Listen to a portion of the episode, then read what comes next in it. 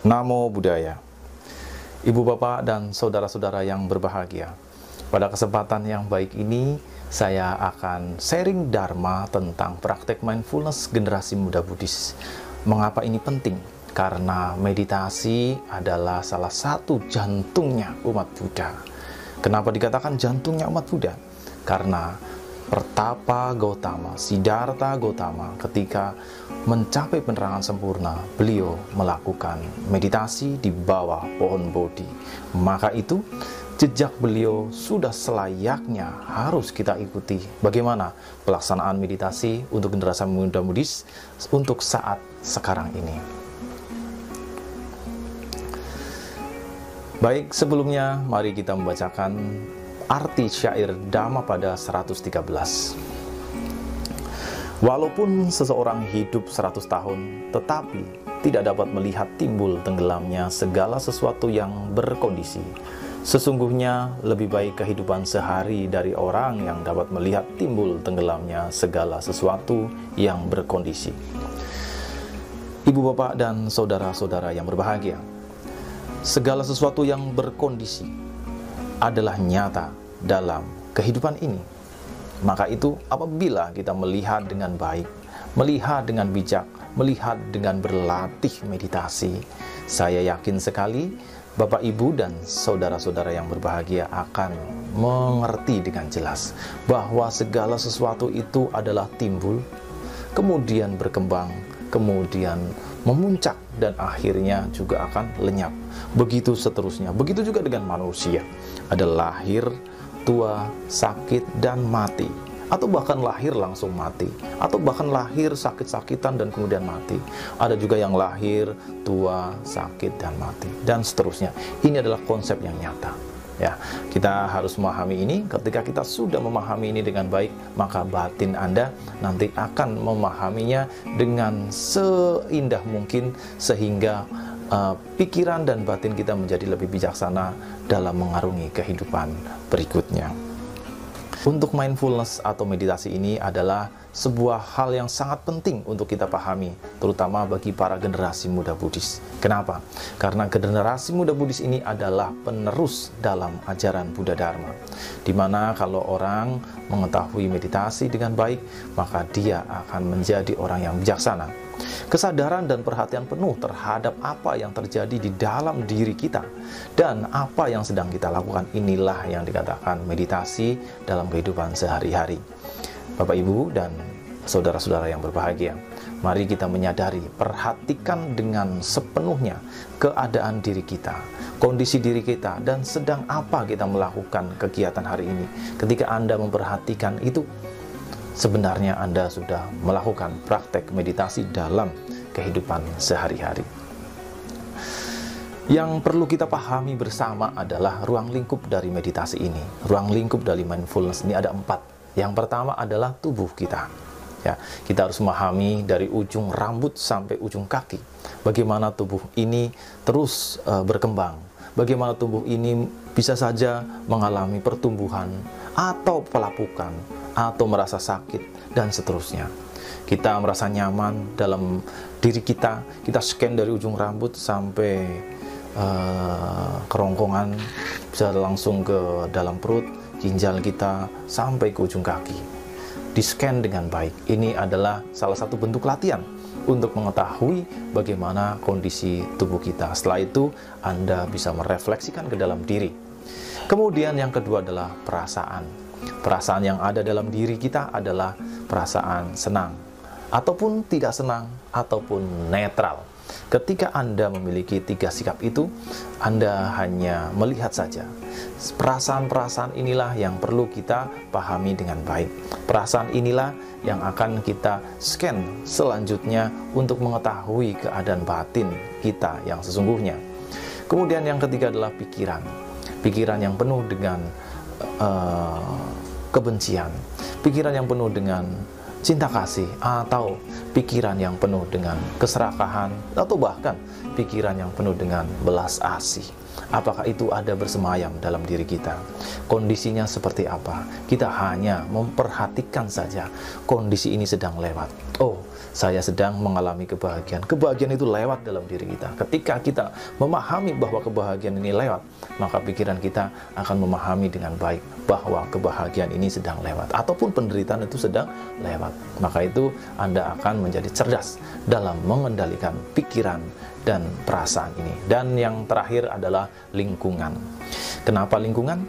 Karena lingkungan ini adalah uh, bentuk aspek pelaksanaannya ya. Jadi kita melihat keadaan lingkungan kita ya, keadaan lingkungan di sekitar kita apakah kondisinya nyaman atau sedang gaduh atau sedang damai atau nyaman sekali suasana sejuk dan damai atau bahkan terjadi bencana alam dan sebagainya. Anda juga harus respect dengan keadaan-keadaan lingkungan yang ada di sekitar Anda. Ini adalah ruang lingkup dari bagaimana kita mengaplikasikan meditasi atau mindfulness dalam kehidupan sehari-hari.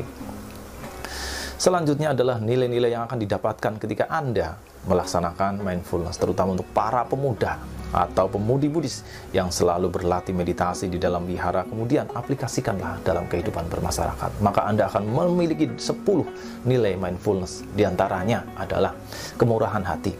Anda bisa memiliki kemurahan hati yang begitu baik kepada orang lain. Ketika Anda melihat lingkungan Anda, di sekitar Anda ada yang membutuhkan sekali, ada yang kekurangan, kelaparan, ataupun bahkan tidak memiliki apa-apa lagi, tidak memiliki harapan Anda sudah uh, berkewajiban untuk memberikan mereka semangat, ya, yaitu berupa kemurahan hati. Luangkanlah hati Anda, walaupun itu dalam ucapan, tetapi mereka akan sangat senang sekali memberi kekuatan untuk mereka. Ini adalah suatu bentuk kemurahan hati yang luar biasa. Syukur-syukur juga Anda bisa memberikan materi kepada mereka agar mereka semakin semangat dalam menjalani hidup. Kemudian yang kedua adalah perilaku yang baik atau sila. Anda akan bisa melaksanakan Pancasila dengan sempurna. Kenapa? Karena Anda sudah memahami dengan baik pikiran Anda, pengertian Anda sudah Anda latih untuk bersama-sama mengendalikan pikiran ini dengan baik. Ketika pikirannya baik, maka perilaku Anda pun akan baik, ucapan Anda akan baik, pikiran Anda uh, udah otomatis baik, maka semua yang akan mengikuti uh, pikiran Anda sesuai dengan Dhammapada uh, yaitu bahwa pikiran adalah pemimpin, pelopor, dan seterusnya. Maka itu uh, berpikirlah dengan baik. Yaitu bagaimana caranya? Dengan bermeditasi ini. Kemudian yang ketiga adalah kesabaran. Anda akan memiliki kesabaran yang cukup baik untuk dimiliki oleh setiap orang, setiap pemuda Buddhis. Apabila Anda memiliki kesabaran, maka Anda menjadi orang yang tidak reaktif dan Anda menjadi orang yang penuh dengan kebijaksanaan. Karena sabar ini adalah awal dari pengendalian diri yang sangat luar biasa ya. Kemudian uh, yang kelima adalah konsentrasi yang benar. Anda bisa memiliki konsentrasi yang baik. Bagaimana mengatur nafas Anda, memahami nafas Anda. Nafas saya ada yang panjang, nafas saya ada yang pendek.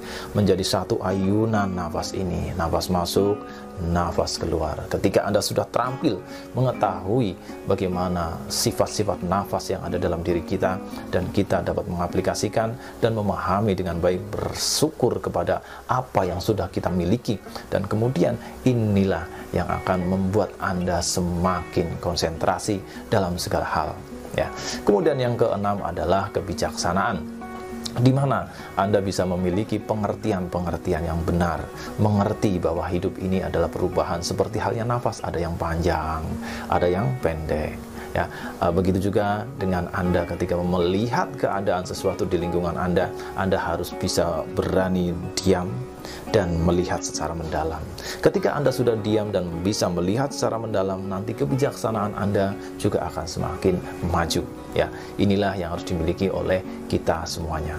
Kemudian yang ketujuh adalah memiliki keterampilan. Di mana keterampilan ini dapat Anda miliki dari berbagai macam hal yang sudah Anda pelajari seperti dalam teori-teori yang sudah Anda kemukakan ya seperti yang sudah Anda pikirkan berlatih meditasi sudah bisa dengan teori-teori yang sudah disiapkan maka itu Anda sangat terampil dalam melakukan meditasi. Ataupun Anda sangat terampil dalam melakukan kegiatan sehari-hari apa pun ya seperti kalau Anda adalah seorang pelajar berarti Anda sudah memahami dengan baik karena Anda sudah berkonsentrasi dalam uh, pembelajaran di sekolah, Anda akan memiliki keterampilan yang baik dalam hal aplikasi yang akan dilakukan oleh Anda dan sekolah pasti Anda akan memiliki nilai-nilai yang baik. Karena apa? Karena Anda sudah memahami dengan benar bagaimana teorinya, prakteknya pun akan memahaminya dengan baik. Kemudian, yang kedelapan adalah tekad yang baik. Ketika Anda memiliki pikiran yang baik, Anda tentunya juga akan memiliki aditana, ya, aditana. Aditana ini adalah sebuah tekad yang baik. Kemudian praktek mindfulness ini adalah beberapa hal yang perlu diperhatikan yaitu di antaranya adalah bisa melakukan dengan meditasi duduk, meditasi berbaring, meditasi berjalan, meditasi bekerja, ataupun meditasi belajar, atau bahkan meditasi-meditasi yang lain. Tapi yang paling utama adalah ada empat hal, yaitu duduk, berbaring, berdiri, dan berjalan.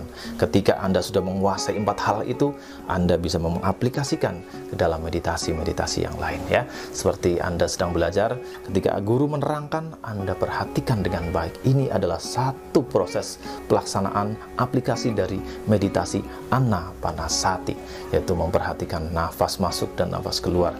Ketika Anda sudah uh, biasa terfokus dengan nafas masuk dengan nafas keluar, maka Anda ketika bertanya kepada guru, mendengarkan penjelasan guru, saya yakin sekali Anda juga akan sangat mudah fokus. Ya, inilah manfaat dari anapanasati.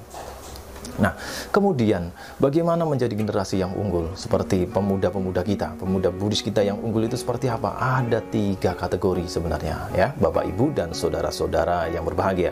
Apakah Anda memiliki hal ini? Yang pertama adalah pengetahuannya unggul, yang kedua keterampilannya unggul, dan yang ketiga sikapnya unggul.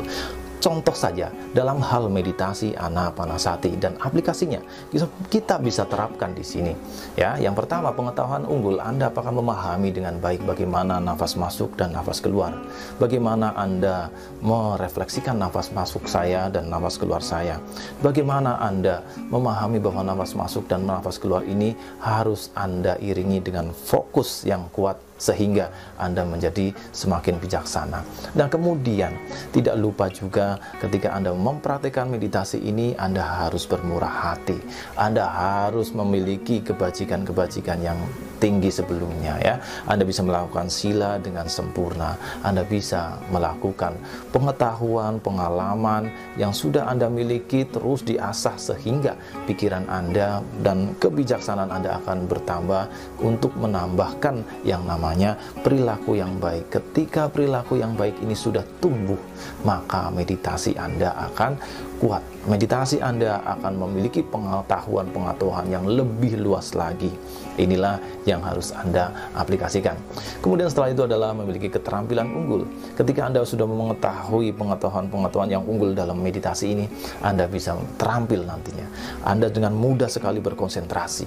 Anda dengan mudah sekali memahami apa yang dikatakan oleh orang lain dan Anda tidak mengabaikan apa yang dikatakan oleh orang lain. Maka itu ciri-ciri orang yang sukses dalam meditasi adalah orang tersebut ketika uh, diajak bicara dia akan memperhatikan dengan baik. Dia akan fokus, akan memperhatikan apa yang benar-benar ia katakan. Ketika orang diperhatikan oleh Anda, apa respon mereka? Mereka pasti akan bahagia dan mereka akan nyaman di sekitar Anda. Inilah manfaat dari melaksanakan meditasi dengan memiliki keterampilan yang unggul. Dan yang terakhir adalah sikap yang unggul. Ketika Anda sudah memiliki pengetahuan tentang meditasi, aplikasi meditasi dengan baik, dan akhirnya Anda memiliki attitude ya, uh, atau perilaku yang baik di dalam kehidupan bermasyarakat. Ini akan sangat bermanfaat untuk Anda semuanya. Nah, kemudian keterampilan yang perlu dijaga apa saja? Bagaimana agar kita bisa memiliki ketiga hal itu? Yang pertama adalah bernafas dengan sadar penuh. Bagaimana Anda mengetahui suatu waktu Anda harus diam dan memperhatikan kebahagiaan Anda. Nafas masuk, nafas keluar. Itu suatu hari Anda harus dilakukan uh, minimal sehari 5 menit ya. Ataupun ya semampu kita ya agar Anda terus berlatih ya. Meskipun Anda sudah mahir tapi fokus itu adalah penting. E, luangkan waktu Anda untuk membahagiakan diri Anda ya. Dan kemudian berjalan dengan sadar penuh di mana pun Anda berjalan lakukan dengan sadar penuh ya. Kalau enggak bisa tabrakan. Kalau Anda menyetir mobil dengan tidak sadar penuh bahaya sekali ya. Anda harus perhatikan ya bagaimana e, jalan ini berkelok ke kiri ke kanan dan perhatikan dengan fokus. Jangan e, kalau mengendari kendaraan itu jangan sambil uh, membicarakan yang lainnya. Itu sangat berbahaya sekali. Fokuslah ya. Kemudian uh, belajar uh, cara memandang secara mendalam. Anda juga nanti akan melihat uh, bagaimana segala sesuatu ini bisa dilihat secara mendalam. Ketika Anda terjadi masalah pada diri Anda Anda akan diam dulu dan Anda akan melihat ke dalam. Kenapa ini terjadi? Nah inilah ciri-ciri orang yang uh, mahir dalam bermeditasi ya. Kalau Anda sudah melaksanakan mindfulness Anda tidak akan reaktif dan Anda akan menjadi orang yang tenang. Dan kemudian uh, yang terakhir adalah belajar uh, cara merawat kemarahan ketika anda marah kita perhatikan saya sedang marah. Dan itu dirawat dengan baik. Jangan sampai uh, apa namanya nah apa kemarahan itu timbul meledak meledak dan akhirnya menjadi api yang sangat besar. Ketika anda rawat kita pelan pelan dan kita uh, sirami dengan air pelan pelan dan akhirnya marah pun akan reda. Inilah yang harus kita uh, kembangkan sebagai generasi muda Buddhis ataupun kita semuanya sebagai umat Buddha Selanjutnya adalah ciri generasi yang mindfulness. Yang pertama adalah lebih mampu berfokus serta berkonsentrasi. Anak-anak ini akan mudah sekali berkonsentrasi, akan mudah memperhatikan, sati sampajannya sangat kuat sekali. Kemudian ketenangannya mengalami peningkatan. Orang ini tidak cenderung tergesa-gesa, terburu-buru, dia akan tenang, damai. Kemudian penyadaran dirinya meningkat. Dia mengerti saya harus bagaimana, bertindak bagaimana. Dia tidak mengandalkan banyak orang lain, tapi dia berusaha untuk menyelesaikan masalah dengan bijaksana. Kemudian eh, menemukan cara-cara bijak dalam merespon emosi-emosi yang sudah ditangani. Ya, jadi setelah dia memahami dengan baik, mahir dalam melaksanakan apa namanya masalah-masalah yang ada diatasi dengan baik, maka dia sudah nantinya menjadi uh, memiliki emosi-emosi yang sangat terkendali. Kemudian berempati serta memahami memahami orang lain. Orang ini akan selalu memahami orang lain dengan baik. Yang terakhir adalah memiliki keahlian meresolusi konflik secara alamiah. Jadi kalau ada masalah pada anak ini, dia otomatis mengerti, oh saya harus begini, oh saya harus begini. Karena apa? Karena pengalaman. Pengalaman dari mindfulness, pengalaman dari meditasi yang sudah dialami oleh mereka dan diaplikasikan dalam kehidupan sehari-hari. Baik, eh, demikian eh, yang bisa saya sampaikan. Mudah-mudahan bermanfaat sebagai generasi muda Buddhis. Lakukan lakukanlah anna panasati minimal uh, mengetahui nafas masuk, nafas keluar dan kemudian setelah itu kita aplikasikan pelan-pelan dan diaplikasikan dengan baik saya yakin Anda akan menjadi generasi muda yang bijaksana memiliki pengetahuan yang unggul, keterampilan yang unggul dan sikap yang unggul. Terima kasih. Namo Buddhaya.